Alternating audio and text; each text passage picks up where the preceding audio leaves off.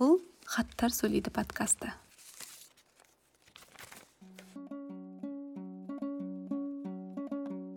Ұлым менің теңіз жағалауынан алыста жүзіп жүрген кемелер.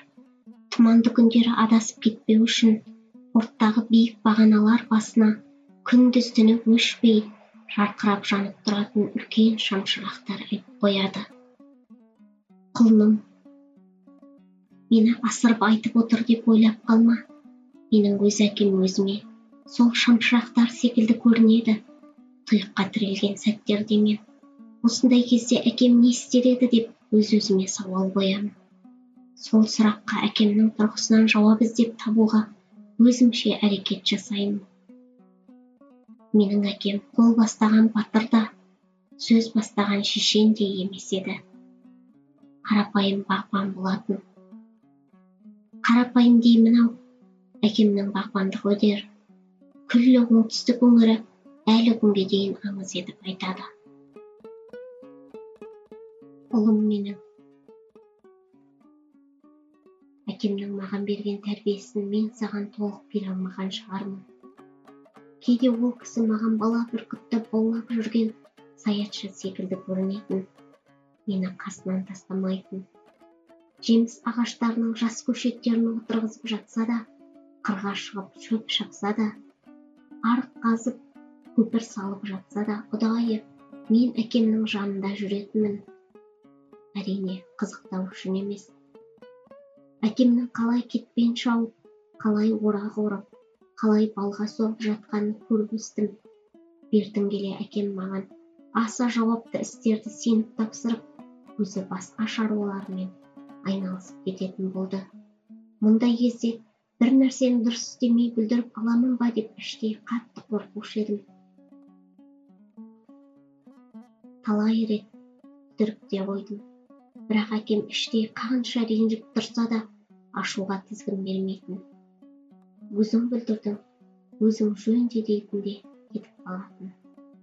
Кейде әкем күні бойы кетпен шауып әбден шаршап жеміс ағаш көлеңкесінде шалқасынан аспанға қарап жатқан сәттерінде бүркіт қаршыға қырғи ителгі хақында қызықты аңыз хикаялар айтатын солардың бірі әлі есімде.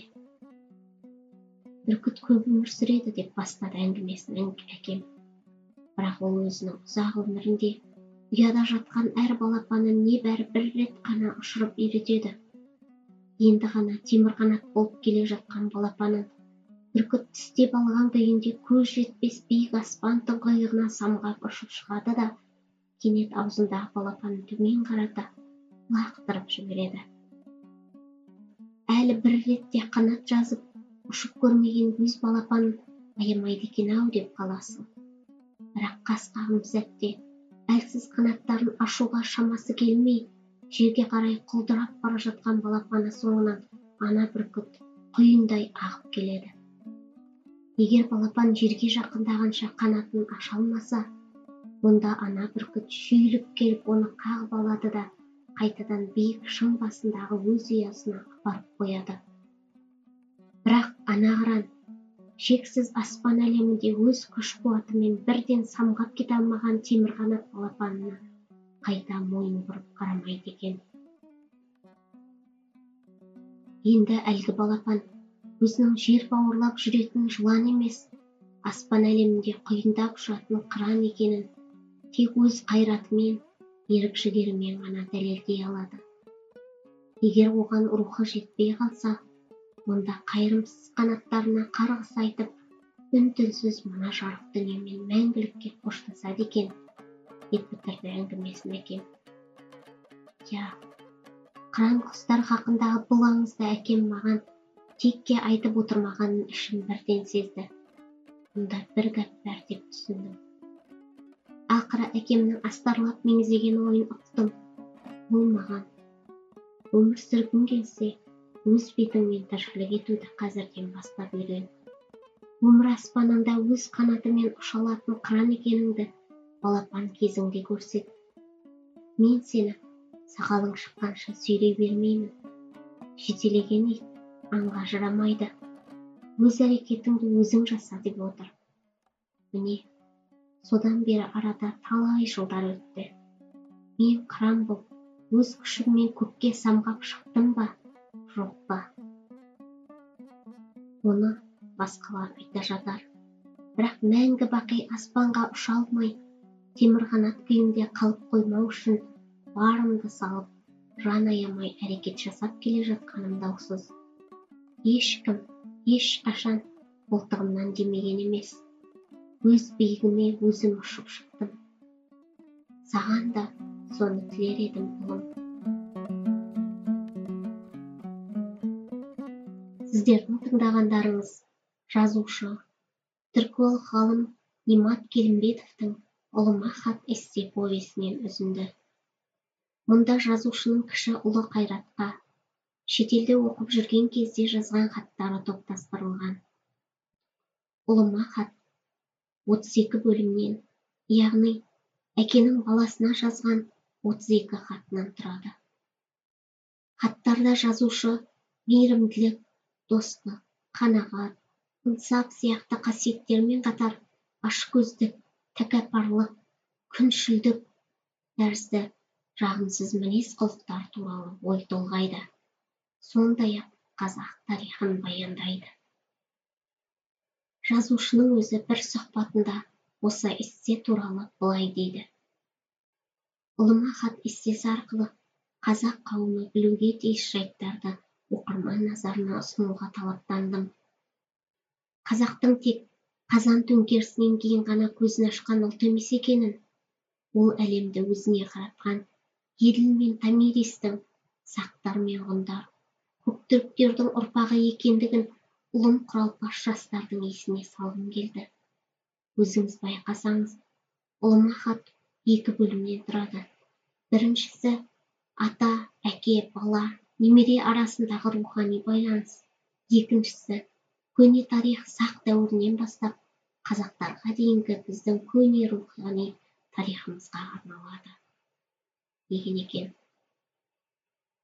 Осы хаттар туралы жазушының ұлы қайрат келімбетов те художественная литература баспасының директоры георгий пряхинге берген сұхбатында былай дейді. Әкем хаттарды жазған кезінде менің бұған кейінірек оралатынымды білген секілді. Солай да болды. Ол кезде мен білім қуып шетелдерде жүрдім әкем менімен жылдар бойы жинақталған даналығымен бөліскісі келді. Қарттықтың артықшылығы. Жастық шақта болмайтын даналық пен өмірлік тәжірибе. Осы даналық дәрістерін әкем маған ғана емес жалпы жас буынға жеткізгісі келді. Айта кетелік қайрат келімбетов мәскеуде ақшта білім алған қазақстанның экономикалық даму және сауда министрі қазақстан ұлттық банкінің төрағасы премьер министрдің орынбасары сияқты лауазымды қызметтерді атқарған. Бүгінде ол стратегиялық жоспарлау және реформалар агенттігінің төрағасы. Ұлыма хат жазушы немат келімбетовтің жылдар бойы төсек тартып жатқан кезде жазған үміт үзгім келмейді атты хикаят монологының логикалық жалғасы. Автор осы үзгім келмейді кітабы үшін франц кафка қоғамының наградасын алған. Немат келімбетовтің қазақ әдебиетінің байырғы бастау бұлақтарын зерттеудегі еңбегі де ересен көркем аударма саласына қосқан үлесі де зор. Немат келімбетов екі мың оныншы жылы жетпіс төрт жасқа қараған шағында дүниеден өткен. Қадірменді достар. Сіздердің тыңдағандарыңыз хаттар сөйлейді подкастының төртінші эпизоды. Оның жүргізушісі мен камшат әбдірайым.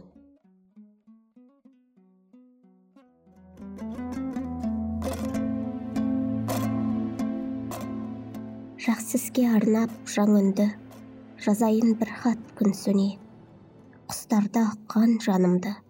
Кейбіреу ұқпай жүрсе де.